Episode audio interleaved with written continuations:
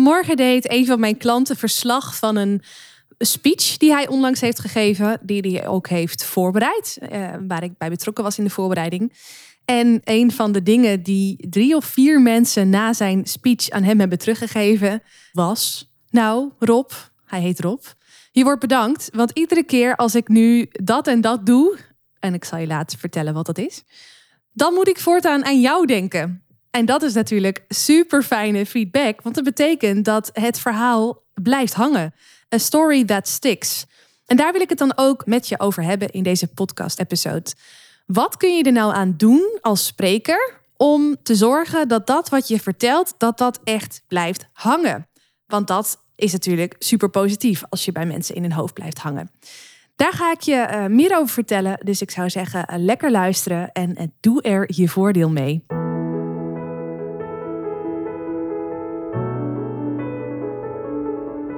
Mijn naam is Marije Wielenga.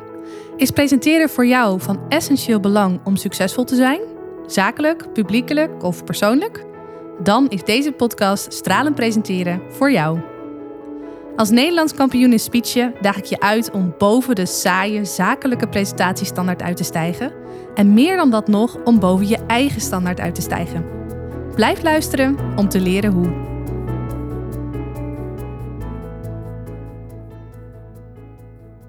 Oké, nou, om tot de punten te komen die zullen maken dat jouw uh, verhaal ook een uh, sticky story wordt, dus een verhaal wat blijft plakken, is het goed om even wat meer te vertellen over de speech van Rob en ook een stukje achtergrond over, uh, over Rob zelf.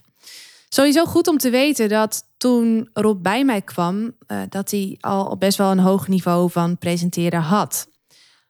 Mensen in zijn omgeving zouden niet zeggen: joh, je hebt een presentatiecursus nodig. Integendeel. Uh, hij vond het al heel erg leuk om te presenteren en wilde hier beter mee worden. Om, voor, ja, om bepaalde redenen. En daar zijn we dus ook mee aan de slag gegaan. Maar dat wil niet zeggen dat het voorop helemaal niet meer spannend is of spannend was om in dit geval deze speech te geven. Want uh, met het leren van een nieuwe methode om te presenteren, om te speechen, om te spreken, ja, komt ook gewoon weer het aanleren van een nieuwe vaardigheid kijken of een vernieuwde vaardigheid kijken. En dat brengt altijd spanning met zich mee. Dat mag eerst er even eigen worden uh, en vertrouwd voelen voor, ja, voor je daar echt routine in krijgt en ook weer meer zelfvertrouwen in uh, bij ervaart. Nou, dus dat ging voor Rob ook wel op. Dus hij was nu, denk ik ook, ja, dat gaf je ook wel aan, wat meer gespannen dan dat hij anders zou zijn geweest bij het geven van deze afscheidsspeech uh, in de vorm, hè, in de rol van zijn rol als voorzitter. Um, ja, dus dat maakte dat hij wat extra spanning had. Hij heeft sowieso de opbouw even anders gedaan dan dat hij anders gedaan zou hebben. En hij heeft het ook wat persoonlijker gemaakt. Nou, dat over Rob, een stukje achtergrond. En dan zal ik nu nog iets vertellen over het verloop van de speech. Want daarmee zul je ook uh, de punten die ik je mee ga geven uh, voor jou om hè, te snappen en te uh, kunnen leren hoe je jouw verhaal tot een sticky story kan maken. om dat beter te begrijpen. Wat Rob heeft gedaan, hij is zijn speech begonnen. Nou, een stukje formaliteit, het overdragen van de, van de voorzittershamer aan de nieuwe voorzitter. En hij vertelde op een gegeven moment dat hij een, uh, ja, een, een speech wilde geven. Dat hij een drietal anekdotes wilde delen. Een drietal dingen die hem echt zijn bijgebleven van de tijd die hij als voorzitter voor de vereniging eh, ja, actief was. Waarbij hij ook aangaf dat laatste, dat is wel iets heel persoonlijks. Dus nou ja, dat, dat, dat hij dat ook wel spannend vond, maar dat hij dat toch wel met zijn publiek ging delen. Nou, ik kwam vervolgens met de eerste anekdote. Ik kwam vervolgens met de tweede anekdote. En bij de derde anekdote kwam hij aan en toen zei hij nogmaals van nou oké, nu komt echt uh, het verhaal wat ik uh, zelf ook wat spannender vind om te delen, omdat het me persoonlijk zo uh, raakte en dus daarmee nog steeds raakt.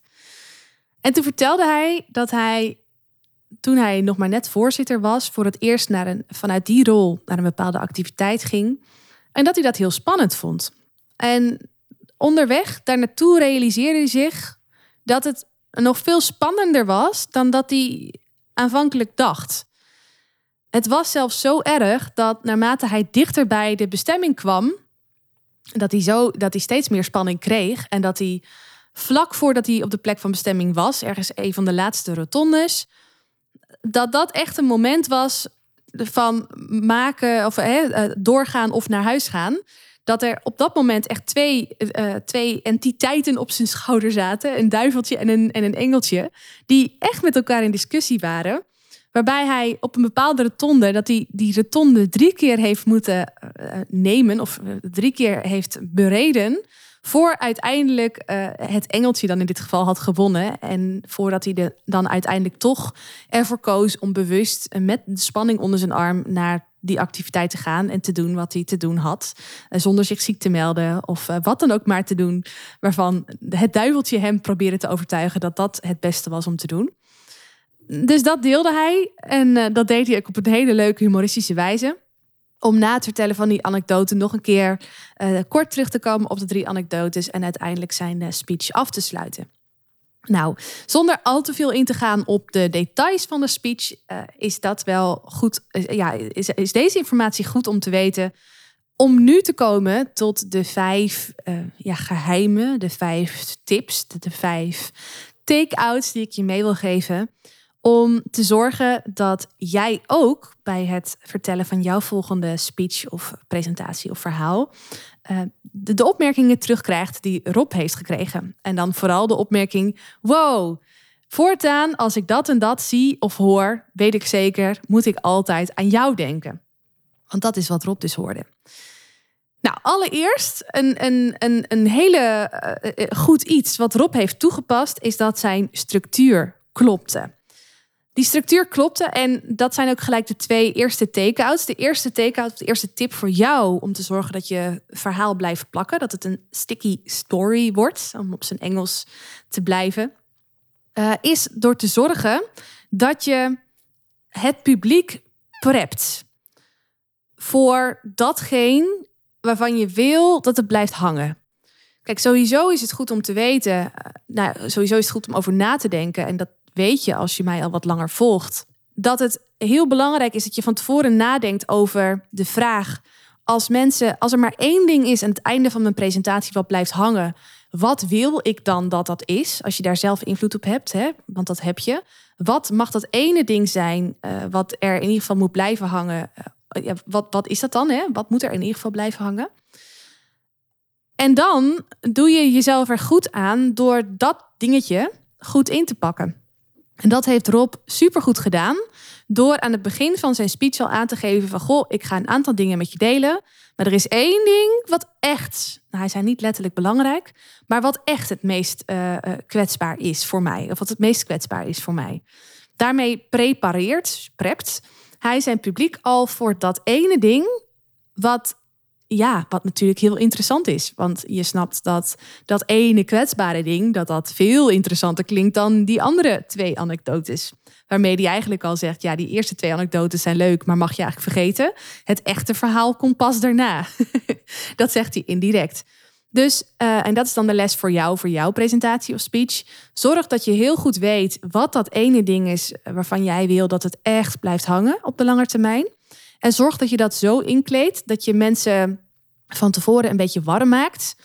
En belooft dat eh, datgene wat zo belangrijk is, dat dat gaat komen. Dus dat ze, ja, dat ze erop voorbereid zijn en daar ook naar uit gaan kijken. Als je, ja, oké, vergelijking die met binnen schiet. Als kind zijnde, als je gewoon met je moeder over straat loopt en er komt opeens een man met een baard aan en een meid erop. Ja, dat is leuk dat is opvallend, maar dat is eigenlijk niet zo bijzonder. Het wordt pas bijzonder als je al, uh, hoe lang duurt dat, die Sinterklaasperiode? Al wekenlang geprept wordt voor het moment van, ja, hij komt, hij komt, die lieve goede Sint, en die gaat je cadeautjes geven, of niet, als je niet braaf bent geweest. Dat is ook preppen. Als je dat bij een kind niet doet, en zijn kind weet ook eigenlijk helemaal niet wie die Sinterklaas is en wat hij kan brengen, ja, dan is de intocht van Sinterklaas een stuk minder spannend. Um, dan, uh, dan wanneer je dat wel van tevoren goed prept. Nou, dat werkt voor je presentatie net zo. Dus denk maar aan Sinterklaas. En denk maar aan dat ene ding wat jij wil dat, ze, dat bijblijft voor ze. En zorg dan dat je ze daar goed voor prept aan het begin van je speech of presentatie. Wat Rob nog meer goed heeft gedaan, is een, tweede les of een tweede take-out die je mee kunt nemen uit dit verhaal. Dat is uh, de kracht van herhaling. Rob zegt aan het begin: Ik ga drie dingen met je delen, waarvan dat laatste dus extreem kwetsbaar of heel kwetsbaar. Wat hij vervolgens doet, is hij vertelt die drie anekdotes. En voordat hij bij de derde anekdote aankomt, herhaalt hij nog even kort de eerste twee. Om mensen er nog even aan te helpen herinneren dat er nu iets heel kwetsbaars komt. Dus dat is ook herhaling. En aan het einde van zijn hele speech uh, komt hij ook nog even heel kort terug op die drie dingetjes. Niet uitgebreid, want het is ook geen lange speech. Maar die herhaling zorgt er wel voor dat dingen uh, beter blijven hangen bij mensen. Dus uh, ook een, een, een ja, geheim voor een sticky story is dat je, dat je zorgt dat je het herhaalt. Ik heb veel liever dat je minder dingen deelt in je presentatie en dat ze blijven hangen. Dat heb ik veel liever voor jou. Dan dat je te veel wil delen en dat er uiteindelijk niks blijft hangen omdat het te veel is. Want um, ik weet niet hoe dat voor jou werkt. Als ik op een gegeven moment, uh, als ik hoor dat we bij punt 7 zijn en ik heb geen idee waar het naartoe gaat, en dan haak ik al af. Terwijl ik gewoon weet, oké, er zijn, als ik weet, er zijn drie dingen. En in het proces word ik eraan herinnerd hè, wat die andere dingen ook alweer waren. Dus ik krijg continu handvatten aangereikt om het verhaal goed te onthouden. Ja, dan ga ik dat ook veel beter onthouden dan wanneer ik niet weet eh, waar ik naar uit moet kijken en dus ook niet mee kan tellen. En ik ook niet even geholpen word door samenvattingen tussenin of herhaling tussenin. Dus de kracht van herhaling is belangrijk voor een sticky story. Sticky story hou ik erin. Een derde tip voor jou voor een sticky story is zorg dat je emotie legt in je verhaal. Wij mensen zijn empathische wezens en we vinden het dan ook super fijn om met een ander mee te kunnen voelen, maar dan moet die ander zich daar wel voor openstellen. Als jij helemaal niks deelt over jouw persoonlijke belevingswereld, ja, kan ik niet met jou meeleven. Wat Rob supersterk heeft gedaan, is echt mensen meenemen in die spanning die hij heeft ervaren de hele weg naar die activiteit toe. En hoe die ook uh, verder opbouwde en uiteindelijk tot een uh, soort uh, kolkend um, punt kwam op die rotonde die hij meerdere keren heeft afgereden voordat hij uiteindelijk naar die activiteit toe, toe ging. Hij heeft mensen echt meegenomen in zijn gevoel. En wat hij daarbij heel sterk deed, en dit is echt één om goed te onthouden, is dat hij zijn emotie heeft gedeeld vanuit de ik-vorm.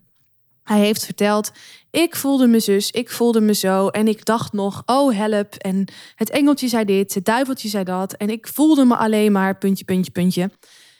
Die emotie heeft hij heel dicht bij zichzelf gehouden. En dan zul je misschien denken: Ja, dat is toch logisch? Hoe had het anders gekund? Nou, uitnodiging aan jou om daar eh, op te gaan letten bij mensen. De meeste mensen, en waarschijnlijk jij zelf ook, als je er niet bewust van bent, is gaan, als ze gaan praten over een emotie die dichtbij komt, dan gaan ze het opeens niet meer hebben over de ik, van ik voelde me. Nee, dan gaan ze het naar een derde persoon trekken om het een beetje van zich af te houden. Om die emotie niet te dicht, te warm, te heet, hoe zeg je dat? Te, um, ja, te dichtbij te laten komen. Om, om, om een, ja, een fijnere, veilige afstand te creëren tussen zichzelf en die emotie, alsof die emotie buiten hun staat. Een voetballer doet dat ook bij een nabeschouwing. Als hij net een hele pijnlijke wedstrijd heeft gehad en net te horen heeft gekregen. Of net de vraag heeft gekregen, joh, wat doet dat met je? Dan gaat hij ook iets zeggen als in ja, nou ja, je komt het veld op en dat doe je met je team. En je hebt net al verloren in een andere wedstrijd. En dan mis je ook nog een bal. Ja, dan baal je wel flink. Dit is wat je een um, voetbalspeler snel hoort zeggen. Die wellicht ook mediatraining heeft gehad. Terwijl het veel passender is en veel meer aantrekt voor luisteraars om de echte emotie te horen. Om te horen, ja, ik kwam het veld op en ik baalde eigenlijk al, of ik voelde me al een beetje onzeker, want we hadden de vorige wedstrijd ook al verloren. Nou, toen kreeg ik die bal naar me toe gepaast en die miste ik. Oh, en ja, toen kon ik wat door de grond zakken van frustratie. En zo hoor je een voetballer natuurlijk nooit praten. Waarschijnlijk mede door die mediatraining. Maar ook omdat emotie, helemaal als die niet zo fijn is, dat we dan heel snel geneigd zijn om die van ons af te zetten door het vanuit de je-vorm te gaan vertellen. Dus mijn derde tip aan jou voor jouw sticky story, om te zorgen voor een sticky story, is benoem emotie. Sta daar echt bij stil, want dat hebben luisteraars nodig om met je mee te kunnen voelen. En benoem die emotie ook vanuit ik-vorm. Dus puur vanuit jezelf gesproken, vanuit de eerlijke kant en niet vanuit de uh, beschouwende kant. Oké, dat was tip nummer drie. Dan tip nummer vier voor een sticky story, a story that sticks. Dat is zorg dat het beeldend is.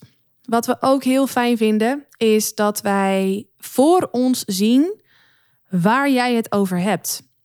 Als jij het hebt over de route naar je werk en jouw publiek kent jou verder niet, weet niet wat je doet, weet niet waar je werk staat, waar, je, waar het gebouw is, waar jij zelf woont, hè, dat, dan kun jij het wel heel doodleuk hebben over de route naar jouw werk zonder enige uh, context. Maar dan zie ik het niet voor me. Terwijl als jij vertelt over de route naar je werk, dat je iedere dag een half uur onderweg bent om van, uh, ik noem maar wat, van Zwolle naar Emmeloord te rijden. En je benoemt daar die N50 nog een keer in. Waar het s ochtends op een bepaald tijdstip altijd vaststaat tussen, ik noem maar wat, even Zwolle en Kampen. Ik heb al een post niet in de spits op die weg gereden, maar dat zou zomaar kunnen. Um, als mensen het dan kennen, dan, kunnen ze, dan zien ze dat ook voor zich. En dan snap ik wel dat echt niet iedereen die route kent. Alleen de mensen die het wel kennen, die zullen nog meer in jouw verhaal gezogen worden dan anders.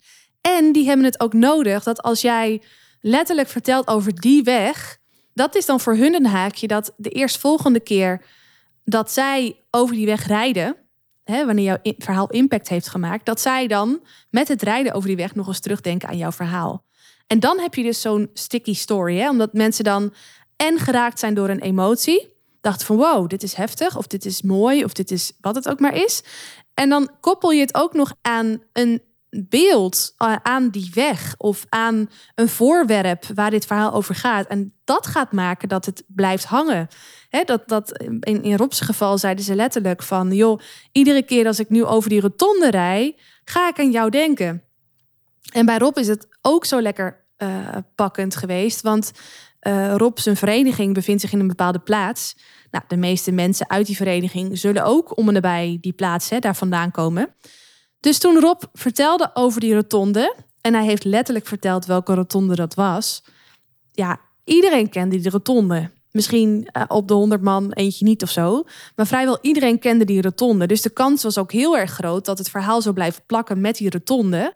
Uh, als, hè, als het verhaal dus impact maakte. En dat deed het. Dus uh, hij heeft door het beeld mee te geven en letterlijk te vertellen over welke rotonde het was, de, het haakje gecreëerd uh, waarmee mensen dus nu geplakt zijn aan dat verhaal. Dat ze dus iedere keer als over die rotonde gaan rijden, denken aan dit verhaal van Rob, of in ieder geval aan Rob zelf. En dat is dus weer zo'n sticky moment. Dus de vierde tip heeft te maken met het, uh, met het beeld. Hè, dat je het beeldend maakt, dat mensen het echt letterlijk voor zich kunnen zien, wat Rob heeft gedaan. En het vijfde punt heb ik hiermee ook al um, verklapt. De vijfde tip. Zorg dat er een herkenning is bij ofwel de emotie, ofwel het beeld, of bij allebei. In Rob's geval weet ik zeker dat ja, niet, echt niet iedereen uit die vereniging is ook al een keer voorzitter geweest. Er zullen vast een aantal oud-voorzitters in, de, in dat gezelschap hebben gezeten. Maar toch zal iedereen zich wel kunnen herkennen in een stukje van die emotie van hey, je hebt een, een nieuwe uh, verantwoordelijkheid gekregen. Die verantwoordelijkheid is uh, spannend. Um, die voel je en dan ga je voor het eerst iets doen vanuit die nieuwe rol. Ja, en dat is spannend. Dus ik, ik, ik, heel veel mensen zullen zich op enige manier wel hebben um, herkend in in ieder geval zijn emotie. Maar bij hem was het natuurlijk nog pakkender dat heel veel mensen ook die rotonde hebben herkend. En het liefst wil je bij allebei een stukje herkenning hebben, zowel bij de uh, emotie als ook bij de, bij de plek. Maar in ieder geval die emotie is, uh, is heel erg belangrijk. Want ik gaf je net ook al het voorbeeld van, uh, van die N50, van Zwolle naar Kampen of van Zwolle naar Emmeloord. En dan de file rondom Kampen. Ja, als jij niet uit deze hoek van het land komt, als in de hoek waar ik nu vandaan uh, mijn podcast opneem, ja, dan zegt het je waarschijnlijk niet zoveel. Dus dan zul je in ieder geval geen letterlijke herkenning hebben bij dat punt. Maar dan kun je je wellicht wel, als ik een verhaal vertel over, uh, over die file en wat ik daarin beleefde, kun je wellicht wel een bepaalde herkenning voelen bij de emotie hè, die ik op dat moment benoem vanuit de ik-vorm, als ik het goed doe. Dus kijk of het lukt om in ieder geval ehm, de emotie herkenbaar te maken bij mensen. En dat is natuurlijk al snel. En als het even kan, omdat je weet dat je publiek uit dezelfde regio komt als jij, zorg ook dat de plek waar het verhaal zich afspeelde, dat dat herkenbaar is voor ze. Om zo te zorgen dat je verhaal goed blijft plakken.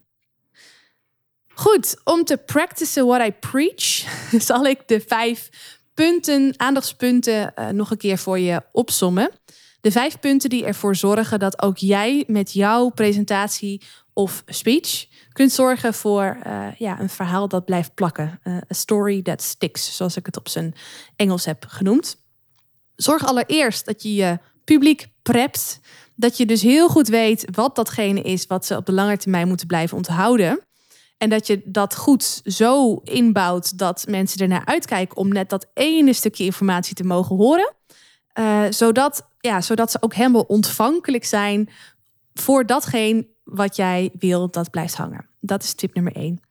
Tip nummer twee is de kracht van herhaling. Dus zorg dat je, als je aankondigt dat je drie anekdotes gaat vertellen, zoals Rob deed, uh, zorg dan ook dat je bij punt drie de eerste twee nog even kort herhaalde, of aan het eind ze alle drie nog even herhaalt, of dat allebei doet. Dat werkt heel erg fijn. Om, ja, je, je geeft mensen gewoon letterlijk een geheugensteuntje, wat, wat heel prettig werkt. Dat maakt of breekt echt of ze op de lange termijn iets kunnen onthouden of niet. Tip 3. Zorg voor emotie in het verhaal. Vertelt vanuit de ik-vorm. Iets waar mensen zich in mee kunnen voelen, met jou mee kunnen voelen. Heel belangrijk. Tip nummer 4. Zorg voor een beeld wat, uh, ja, wat letterlijk tot de verbeelding spreekt. Dus als jij iets vertelt, dat mensen het ook voor zich kunnen zien. Dat ze uh, uh, misschien echt letterlijk die weg voor zich kunnen zien. Hè? Als je het hebt over een verhaal wat zich afspeelde op een weg. Of in ieder geval anders een andere weg voor zich zien. Ik bedoel, je kunt een um, anekdote vertellen over iets wat gebeurde in jouw supermarkt. En dan jouw supermarkt omschrijven. Maar als jij in Maastricht woont en je beschrijft jouw jumbo. Dan zal ik mijn jumbo hier in Zwolle voor me zien. En dat is ook oké. Dus soms is het beeld echt letterlijk van die ene plek. Maar uh, het kan ook iets minder letterlijk zijn dat ik gewoon op dat moment een supermarkt voor me zie waarin ik die herkenning krijg. Uh, op basis waarvan ik dus nadat ik jouw verhaal gehoord heb en weer in mijn jumbo ben, alsnog aan jouw jumbo kan denken. Dus uh, zorg, voor die, uh, zorg voor het beeld wat ik kan koppelen aan die emotie en dus aan jouw verhaal. En dan de laatste tip: zorg voor herkenning. En dat kan dus, ja, dat is eigenlijk het verlengde van die tip 4. Zorg dat mensen zich ofwel herkennen in de emotie, of en zich ook herkennen in de plek, omdat ze daar zelf wel eens geweest zijn, of omdat ze daar ja, zelf ook een goed voorbeeld uh, van hebben vanuit hun omgeving. Die ene weg of die ene supermarkt. Uh, of die ene rotonde, wat het dan ook is. Dat waren ze. Mijn vijf tips voor A Story That Sticks. Ik ben heel erg benieuwd of dat jij zelf ook ervaring hebt met uh, het vertellen van een verhaal of het geven van een speech. Waarbij mensen achteraf naar je toe kwamen met de opmerking van goh, wat gaaf. Uh, iedere keer als ik nu dat en dat zie of hoor, moet ik nog aan jou denken. Heel erg benieuwd naar jouw ervaring daarmee. Dus uh, deel die ook zeker met mij. En als je die ervaring nog niet hebt, dan hoop ik dat je die snel op zult doen met het ja, naleven van deze tips. Ik hoop je bij de volgende aflevering weer te zien. En terwijl ik dit zeg, denk ik, ja, het is een podcast. Dat werkt niet zo.